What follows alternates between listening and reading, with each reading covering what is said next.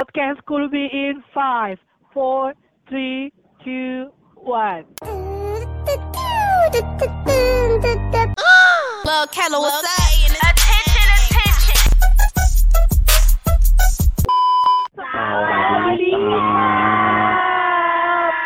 Gila, suara kayak bapak mati. Hai guys, welcome back to our podcast Kom- komunitas lagi. Kumpulan sobat insom. Bareng gua Hans di Tangerang. Gue Jura di Balikpapan. Gue Ray di Jogja. Gila suaranya om-om banget anjir. Gue Manda di Salatiga dan gue Eza di bukan zona merah. Di paling garing, paling kerupuk, Hijau. kriuk. Seperti biasa guys, di podcast kali ini kita agak telat karena gila sumpah Hans alay banget anjir. Karena kita masih Siap. pelajari berkas-berkas untuk disampaikan gitu. Tapi kayaknya ini ada noise guys sih guys kalau kalian dengar soalnya lagi hujan tahu di Iya. Salatiga. Oke sobat Kulbi, jadi sumpah, tadi bunyi toke nggak sih kalian dengar guys? Gila serem banget. Gimana, Gila serem. Oke gila, oh my lord, serem banget. Jadi eh, malam ini kita akan bahas gila kayaknya agak garing tapi ini seram tapi nggak lucu tapi kayaknya ngangkat tapi kayaknya nggak tahu banget kan oh my god eh. jadi hari kita akan cerita horor time Are you afraid of the dark?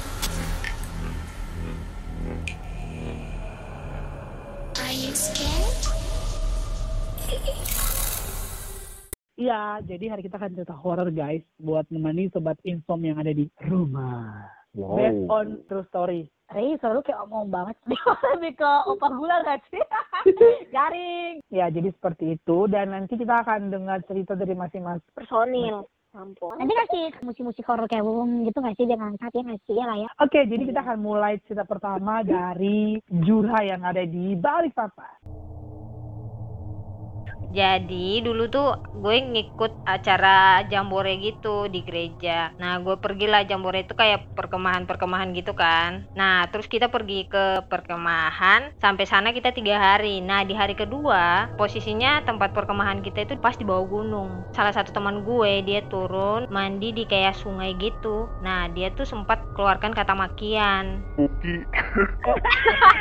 Kak, mau gue potong ya. Maksudnya kenapa dia maki puki gitu loh? Maksudnya Nah di temannya tuh yang lagi mandi. Oh, Iya kali kan, terus tiba-tiba dia naik. Nah kita mau ibadah kan, posisinya itu udah api unggun mau ibadah. Tiba-tiba nih anak berdiri di atas kursi, terus matanya udah putih kayak tembok gitu, gak ada bola hitamnya sedikit pun. Terus tiba-tiba, tiba-tiba setelah dia ad- ada dua orang lagi yang jatuh dan case-nya sama mereka tuh teriak-teriak gak jelas terus dibawa masuklah ke ruangan kan ih itu sampai dia teriak di dalam tuh kita kan nyanyi-nyanyi Hmm. lagu rohani terus dia sampai majelisnya tuh bilang bahwa lepas dia aja biarin dia mau bicara apa jangan pegang dia dulu dia sampai bilang sampai Tuhan kalian turun kalian gak bisa ngalahin gue sampai ngomong kayak gitu anjir Ya gak Allah. ih merinding gue Penjaga kayaknya ya, penjaga di sungai Nah. itu kali. Iya. Mungkin kali ya. Kalau nggak penjaga orang di situ kali ya. dan setelah dia ada 10 orang eh 9 orang lagi yang kerasukan dan taruh di satu ruangan yang sama sampai pendeta ada 10 orang majelisnya tuh ada sekitar 20 orang. Itu yang eh sampai sekarang tuh gue ingat banget. Dan kita di tempat perkemahan itu nggak satu pun orang nggak dibolehin pulang. Maksudnya kita harus selesaikan itu bareng-bareng sampai semuanya sembuh baru kita bisa balik dari situ. Takutnya ada ada yang ngikut kan kalau kita balik dari kegiatan itu kan. Jadi ya Iya. harus kita selesain malam itu sampai pagi pun harus diselesaikan. Baru selesainya tuh di jam 12 jam 1 lah. Terus gimana sih? Maksudnya nasibnya? Apakah mereka langsung udah pulih? Apa mereka masih waktu itu eh masih kayak kak setahu gue yang kena 6 jam ini dia setelah itu masih diikut masih diikutin itu aja sih cerita gue Ya, serem ya Lumayan, bukannya sih lumayan ya, lumayan ngangkat. Apalagi di sini kan remang-remang, hujan juga. Jadi Hmm, memang suasananya udah udah mulai sih. Gue kira Bau kata Esa. juga kan, bau gue kira kata Reza, lumayan ya, lumayan ngantuk. Ember emang gue yang cerita aja mau, mau tidur Manda, ketawa biasanya kali gitu kayak ala banget. Manda tuh katanya udah kayak kuntai. Iya, emang Iya.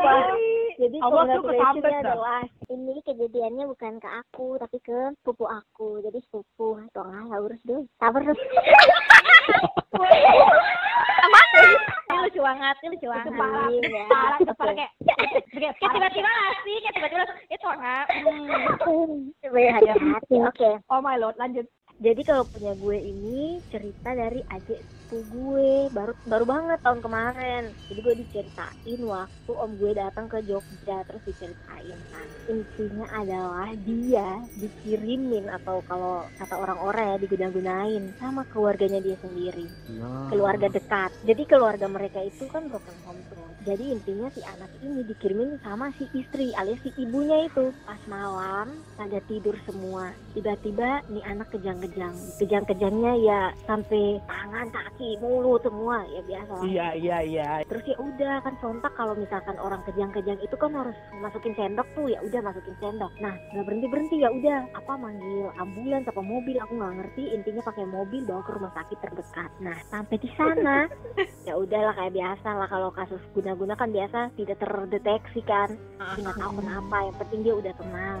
Besok besoknya pokoknya selama kayaknya hampir sebulan di rumah sakit si anak selalu kejang-kejang atau di sana bilangnya kerasukannya itu tuh tiap dini hari ada jamnya. Si jam 3 ini dia bakalan kejang-kejang kayak gitu jadi intinya setiap orang udah tahu makanya selalu kebangun jam segitu buat ngasih sendok. Ya udah Lalu karena dokter pun maksudnya bilang nggak tahu ini kenapa, ya udah biasa kita mencari pertolongan alias ke ibu pendeta ya. Ke pendeta sampai di sana, ibu pendetanya suruh semua yang di rumah yang hari itu datang itu berdoa. Jadi hari itu yang berangkat tuh omku satu, tanteku satu, omaku satu, eh, anaknya dua. Udah sama omku satu lagi berenam. Jadi mereka pergi ke rumah pendeta itu, mereka berdoa. Waktu berdoa, ibu pendetanya bilang gini, kalian nggak boleh tutup mata. Waktu berdoa langsung ibu pendetanya bilang gini, yang ngikutin kalian ke sini dan ngikutin kalian waktu ke rumah sakit itu banyak banget di mobil, banyak banget.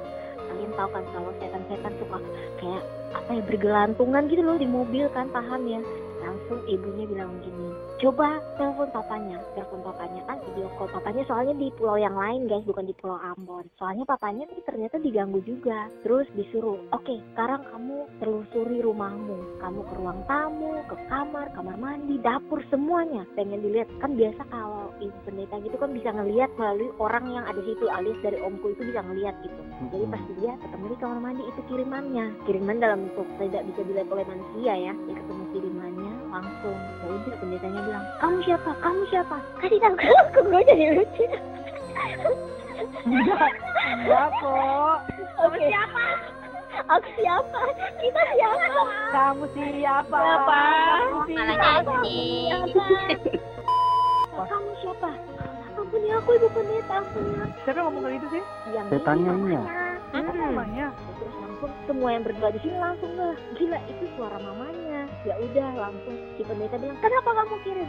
Kenapa kamu kirim buat anakmu? Buat suamimu. Maaf soalnya aku memang mau balas dendam aku nggak suka sama mereka. Kayak gitu gitu kamu pakai siapa? Oh kamu pakai siapa? Aku pakai si mawar. Aku bayar dia lima ratus ribu. Kalau udah berhasil baru aku kasih lagi lima ratus ribu lagi. Berhasil apa? Berhasil membunuh membunuh anak dan suaminya. Pas itu ketahuan. Terus kan itu sama air doa lah jadi air doanya disiram set udah nggak hilang. Terus anaknya dijagain terus sampai akhirnya ya puji Tuhan ini udah udah selamat terus balik. Tapi di mana teman? Lima ratus ribu doang tuh, murah ya? makanya gue bilang murah gitu loh gue baru tahu harganya murah. Makanya murah cepet ketangkep. Mahal mungkin dia di Iya. atas loteng atau di genteng gitu Iya, kalau murah di kamar mandi. Aduh malah gue mau mandi lagi. Next gue mau Kak Esa sekarang gue mau cerita ini benar-benar gue alami dan saya singkat aja sih jadi ceritanya itu pas gue masih di kampung halaman gue jadi gue pulang sama nyokap gue itu sekitar jam jam satu jam 2 gitu nggak tahu deh pokoknya lupa deh kita ke mana udah nggak nggak tahu deh ini semua pada denger ya sih Wak Iya. Anak-anak pulang pagi. Jadi pas pulang di rumah gue itu kan biasa ya Wak tinggalnya dalam kompleks. Gak kompleksnya elit juga punya kompleks gitu. Tapi di depan kompleks gue tuh ada berbagai macam pohon-pohon besar yang sudah banyak setannya di situ Pohon-pohon gitu loh. Jadi jalan lah tuh lewati pohon Lewati lembah gitu Gunung apa sungai sama sampailah di rumah. Pas mau masuk ini gue percaya nggak percaya tapi akhirnya gue jadi percaya. Nyokap gue tuh bilang ini Esa masuknya pakai belakang. Maksudnya belakang tuh kayak membelakangi gitu loh membelakangi. Ngerti nggak sih? Kayak Jalan mundur gitu kan. Ah, Jalan jalan mundur. mundur. nyokap gue bilang sebelum masuk jalan pakai belakang. Nah gue ngeyel kan. Gue bilang ah apaan sih mah gitu. Ya udah kali itu gue ngeyel gue masuk lah ke dalam rumah. Tutup pintu brafrek apa semua. Pas gue duduk dalam kamar kayak merinding mampus kalian tahu nggak sih kalau ada setan di tempat itu terus kepalanya kayak berasa gede gitu loh kayak Iya kayak banyak kutuk itu kan. ya Enggak ada serangnya, ini bagian serangnya. Ini bagian Oh, serangnya. pas gue masuk di kamar gue tutup pintu nyokap gue jadi di kamarnya dia langsung kepala gue rasanya gede banget badan gue apa apa semua hawanya panas dan langsung si setannya merayap di plafon kamar gue Oh my lord. ah. gue nggak bohong gue nggak bohong sumpah gue langit-langit Ya, kamar lu. am- iya di plafon jadi gue kan lahir nggak nggak bisa lihat barang gituan ya jadi karena kepala gue besar gue bilang ya Tuhan apa ini habis itu gue keluar kan pura-pura kuat aja gue keluar ke ruang tengah dia ngikutin gue ke ruang tengah jadi plafonnya bunyinya tuh kayak kalian tahu nggak sih kalau rumah-rumah yang banyak tikus tikus di plafon kan tahu nggak Tahu pernah. tapi ini dua kali suara tikus ya Allah gue nggak tahu lagi gue sampai teriak-teriak sampai mas tolongin gue mas setannya ikutin gue di dalam. Gue pergi ke kamar nyokap gue emang karena nyokap gue kamarnya emang hal-hal kudus Jawa jadi dia nggak berani Ah. masuk di kamar nyokap gue. Terus langsung nyokap gue bilang ya udah lo tunggu di sini. Keluarlah nyokap gue di luar rumah dan dia berdoa kelilingi rumah gue langsung tuh setan tarampak pergi. Sudah deh. Lumayan lah ya guys. Cerita ketiga nggak seru Horor kok. Horor. ya udah deh gimana sih lo cerita lo gimana mungkin lebih horor dari gue pasti sih Sumpah kalau gue sih lebih ke horror cuy ya. Cuy, apa itu cuy? horor cu Hmm, beneran. Jadi semua tuh berawal ketika gua itu semester akhir kalau nggak salah. Abis itu ngambil data dari Jogja kalau nggak salah. Dari Jogja ke Semarang gitu lupa. Jadi singkat cerita itu karena datanya banyak, gua tuh pulang ke kosan itu jam jam 3 pagi atau jam 2 lah, 2 something gitu kan. Mm-mm. Mungkin lo tahu ya kosan gue dulu tahu nggak sih? Itu kan ada gang itu kan depan jalan Iya, itu. Pak. Jadi karena dari gang itu ke kosan gue itu kan jaraknya nggak terlalu jauh kan, dan gue kan orangnya kan nggak enak karena kalau masuk kosan gue tuh kalau mobil dia harus muter dulu lewat bawah, dia nggak bisa lewat gang depan situ karena cuma Iya, satu iya. arah doang. Hai paham kan? Kan lu kan anak-anak lounge di situ. Oke dipotong ya. Karena gue nggak enak, makanya gue udah udahlah turun di sini aja gue. Ntar gue jalan kaki ke dalam kosan gue gitu. Dengan posisi itu udah jam 3 lewat, eh udah jam 2 lewat lah. Dan lu tau lah di daerah kampus gue kan jam 11 itu udah sepi mampus. Tibalah pas gue jalan, lu tau kan gue pakai tas ransel biasa, jinjing eh, apa kayak notepad gitu apa sih namanya? Pokoknya ini tuh lah note-note itu yang biasa isi isi kertas-kertas itu bendel lah ya. Gue jalan tuh ala-ala pegawai asuransi gitu kan say gue jalan gitu tek tek tek tek tek. Sampailah gue di depan kos di depan kos gue itu. Sampainya kan ada bengkel tuh. Iya. terus pas gue mau masuk gang itu tuh lu pernah gak sih feeling lu ketika lu ngerasa ada sesuatu yang gak beres? Pasti kan kayak kayak ada orang ngikutin gitu. Kalau enggak ada orang yang liatin kita gitu. Pas gue liatin tuh cuma ada CCTV gitu kan kayak ya iyalah orang liatin lu orang itu ada CCTV jadi gue tuh pikirnya positif thinking aja karena pikir gue apaan sih gue sama kayak Kaisa gue tuh nggak percaya kayak namanya ada hal-hal gituan gitu loh kayak yaudah Paling- sih itu cuma cerita ah, ah, paling, Paling kayak bapak kos kan yang lagi Nah, nge- ah, gitu. Terus pas gue nyampe, jujur sih kosan gue pemiliknya itu eh, rumahnya itu agak sedikit horor, bukan sedikit sih emang kayaknya menurut gue horor. Lah, Ember. ha, ah, lu lu pada tahu kan, say. Terus pintunya kan kayak pintu-pintu Belanda-Belanda gitu kan, yang motif-motif kayu-kayu gitu. Nah, pas gue masuk itu, kayak pas gue ngelangkain kaki itu kok kaki gue tuh kayak berat, bukan berat kayak berat badan gue, say. Kan dulu kan gue masih kurus kan.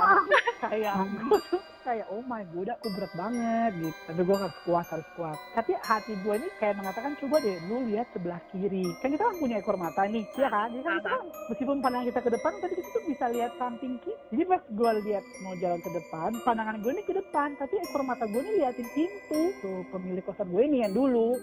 Terus pas gue liatin oh my god lu tau gak sih? Kayak ada bola mata. Ay. ini bola mata gede banget kayak lu tau kayak telur gitu gede banget. Bukan telur tapi kayak gede banget totally gede merah darah. Ih, terus kayak ad- ada efek rambut rambut gimbal gitu ngerti gak sih lu? Ih, Lu pernah- anjing. lu pernah lihat barong bukan barongsai sih apa sih yang yang barong-barong yang di Bali itu loh yang nari-nari itu? Iya, iya tahu. iya mata itu kayak liatin gue gitu. Jadi setiap gue jalan tuh dia kayak CCTV gitu loh. Gue tuh awalnya pikir ya udah sih mungkin perasaan gue aja nggak enak kan. Karena ya itu tadi gue tuh tipe orang yang nggak percaya dengan hal-hal seperti itu. Jadi gue ya udahlah nggak usah dengerin. Tapi pas gue jalan tuh kayak kayaknya nih mata ikutin gue mulu deh. Tapi memang jujur di situ nggak ada CCTV dan di depan pun juga CCTV-nya tapi nggak diaktifin gitu loh. Nah pas gue naik tangga gue naik tangga tuh totally kosan tuh betul-betul kayak hening gitu. Gue lihat di situ pun nggak ada bapak kos nggak ada siapa pun di situ. Udah dong gue pikir udah clear gitu kan. Gue pikir udahlah itu firasat gue doang gitu si mata merah ini gitu. Besok paginya pas gue mau ke kampus jadi ada ada salah satu kakak kos gue ngomong kayak gini kan semalam kok lu jalan sama bapak kos emang di kampus ngapain? Terus kata gue lah apa maksudnya emang dari malam tuh ada bapak kos gitu. Sedangkan menurut gue pagi itu tuh udah nggak ada siapa-siapa lagi gitu. Loh enggak. Tadi pas dia keluar itu kan di bawah itu kan kamar mandi yang di jarak itu kan sebelum naik tangga nggak ada toilet. Dia tuh lihat. Jadi pas sebelum gue naik tuh ada bapak kos tuh ikutin gue dari belakang. Entah itu gue nggak sadar tuh oh, karena gue udah ngantuk apa enggak dan feeling gue enggak kok bang nggak ada bapak kos malam tuh gue pulang sendiri gitu. Pas gue jalan ke depan bapak kos bilang kayak gini Han semalam kok pulangnya pagi banget. Emang dari mana? Gitu. Pertanyaan gue lah ini orang tahu dari mana kok pulang pagi gitu. Sedangkan kamera CCTV itu nggak belum diaktifin gitu loh. Kayak menurut gue beneran nggak sih itu mata merah tuh betul-betul kayak ngasih informasi gitu loh ke dia? Lu bayangin nggak sih kos sebesar itu nggak ada CCTV yang banyak tapi dia bisa tahu dan bisa controlling setiap gerak gerik anak kosan gitu loh. Dan menurut info yang gue tahu dari orang-orang sekitar gitu yang jualan di daerah kosan gua emang bapak kos gua tuh kayak agak piara gitu. Dia tuh memelihara hantu dari Bali. Dan hantu dari Bali itu dia tuh memang jagain kita gitu loh. Kayak totally dia pil- pelihara buat jagain kosan dia Jaga Bisa- gitu ya. Han. Mm-mm, kayak penjaga gitu. Dan itu bukan gua doang ternyata guys. Ada kakak kos gue juga yang pernah mengalami hal itu pada saat mereka bawa pacar. Pada saat mereka mau ngewong gitu kan. Papa kos tuh tahu kayak semalam berapa ronde lu gitu. Jadi kayak oh Iya. my god kok dia tahu gitu. Dan kadang-kadang tuh bisa menyerupai token. Ini gue gak tahu ya. Gue cuma kayak firasat gue doang. Sih gue cuma kayak cukup tahu aja. Tapi memang itu beneran ada sih. Jangan-jangan kucing-kucing yang ada di kos lu itu juga penjaga tuhan. Jangan kucing. Tikus gue yang, yang tikus yang pernah lewat. Yang pernah hinggap di kaki aku yang perutnya panas aja kayaknya itu juga jelmaan dia deh. kayak gitu. Udah kali ya durasi ya guys. Itu cerita horor gue mungkin gak terlalu horor-horor banget, tapi itu pengalaman gue yang menurut juga nggak bisa gue lupakan ketika lu pulang jam 3 pagi dan kayak gitu gitu loh. Bukan Iya. dari bar. Udah apa yang ngorok sih guys? Lu denger nggak? Sumpah ya gue Anjir, udah ini denger sumpah. denger, sumpah. Sumpah, sumpah itu ih, sumpah. Ih, siapa sih ini? Ya, Lu, lu denger gak sih kayak suara orang tadi kayak Rey, Rinaldi. Ya, Oh, lo ngalah. dengar. Tadi betul udah minum air, makanya lepas headset. no, no, no. Enggak, lo mah ini. tuh. Tapi mah garong. tapi tapi ada suara kayak menggarong Oh, gitu nggak sih? Ih, sumpah lah kayak opa-opa lagi suaranya. Ngorok gitu ya. Nanti nanti lu dengar di rekamannya kalau jadi Iya, ya. nanti lo gitu denger ya. deh, sumpah dah. Ini kita nggak nggak ada ya guys. Ini biar Nggak. horor aja sih. Ini nggak nanti ya kita denger ya. Nanti kita denger ya. Tuhan. Sumpah ini nggak ada setting ya guys. Next, Karena kepanjangan nanti kita mungkin akan ada part 2 kali ya. Oke, terakhir ada dari si Ei. Oke guys, jadi sekarang gue mau cerita soal perjalanan gue ke tempat-tempat yang kalau orang Jawa bilang itu kayak pesugihan gitulah. Jadi waktu itu ceritanya sebenarnya ini lebih bukan karena bukan ke horor sih, bukan karena setan sih, tapi ke tempat-tempat yang memang kayak membuat bulu kidek bulu kuduk tuh ber- berdiri gitu loh, merinding. Jadi waktu itu kan kita, aku sama teman-temanku baru pulang dari Jogja. Itu aku masih di Salatiga. Terus pas pulang gitu kita cerita-cerita horor gitu di mobil. Terus ada teman yang ngajakin, eh ayo ini kan malam Jumat Kliwon. Ayo kita ke tempat itu. Itu tempat kayak pesugihan gitulah. Ya udah ayo ayo ayo. Terus sumpah itu tempatnya itu rame banget. Itu mobil-mobil itu parkir. Pokoknya banyak lah kayak tempat wisata. Padahal itu yang datang itu untuk minta kekayaan, minta punya minta umur panjang gitulah. Jadi di sana itu ada sebuah kolam gitu loh. Itu mereka itu mandi di situ di kolam itu, terus nyembah-nyembah itu dalam kolam gitu. Terus sama bakar-bakar itu apa dupa ya, gitulah. Tapi katanya itu ya kepercayaan setempat lah. Ya untuk kita yang orang awam itu kayak rasanya kayak aneh gitu loh kayak nggak nyangka gitu di dunia modern kayak gini tuh masih ada gitu loh yang masih percaya percaya yang sama roh-roh halus gitu masih setan-setan lah istilahnya gitu loh jadi itu aja sih kalau gue sih Tempat pesugihannya tuh ada penjaganya yang ngalahin lu harus ke sini, lu harus enggak ya jadi udah ada tuh Maju, tempatnya mohon udah maaf. ada Itu kalau ada arahinnya bukan tempat persugihan. Iya, wisata. Iya benar. apa apa Lu arahi ada orang ke Arah. sana, arahin ke sini. Mohon maaf, itu Iya, tempat betul. persugihan apa tempat wisata ya? Kayak pemandian, ada kolam-kolam renang. Wow. wow Tapi di sana gelap banget gitu. Maksudnya pokoknya sangat filmnya gelap horor gitu. remang-remang gitu loh Oh, jadi kayak- ada kayak- lampunya oh tuh ada tapi jauh-jauh gitu loh Kayak kosannya Manda ya, horor empat apa oh iya. Ya, Sama kayak gitu remah. lah Hmm, itu di belakang. lampunya yang 5 watt itu loh yang warna kuning itu loh Oh my god. Yang biasa di kandang-kandang ayam itu. Yes, itu Oh kan itu kan karena lampu itu kan panas gitu loh, jadi membuat ayam tuh cepat bertelur. Emang, emang. Berarti kalian, berarti kalian yang ke sana juga cepat bertelur kan? Oh enggak, Bener kan? Bertelur ini bertelur duit. Jadi eh, itu tadi cerita horor kita yang gak seberapa dan gak sehoror itu. Yang penting apa kita menghibur sobatku. Insom. Iya, sahabat Kulbi yang artinya kumpulan sobat insom gitu loh, Man. emperan say Biar so lucu aja gitu urusannya. Oke, sahabat insom gitu aja podcast kita untuk eh, edisi malam hari ini dan mungkin kalau teman-teman punya cerita yang lebih horor, yang lebih lucu, yang lebih fantastika, Babanero, Mantulita, kalian bisa nanti komen atau bisa ke DM kita para personil Sobat Kolbi. Seperti biasa podcast tanpa skrip dan juga podcast tanpa persiapan. Gue Hansi Tangerang. gue Jura di balik papan gue Ray di Jogja. Gue Manda di Salatiga. Dan gue Eza di dunia lain. Kita pamit undur diri. Terima kasih. terima kasih kak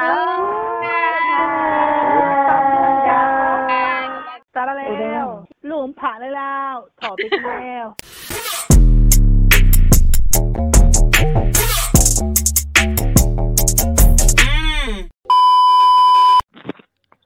Eh, Kayak putus-putus saya minta putus suara. Hmm, paling jelas. Jelas. Banget. Iya. iya. Kan suku suku kunci suara tuh. Ada ayo, ayo, ayo, ayo, ayo. uang ngalah sama putus suara kaleng ini.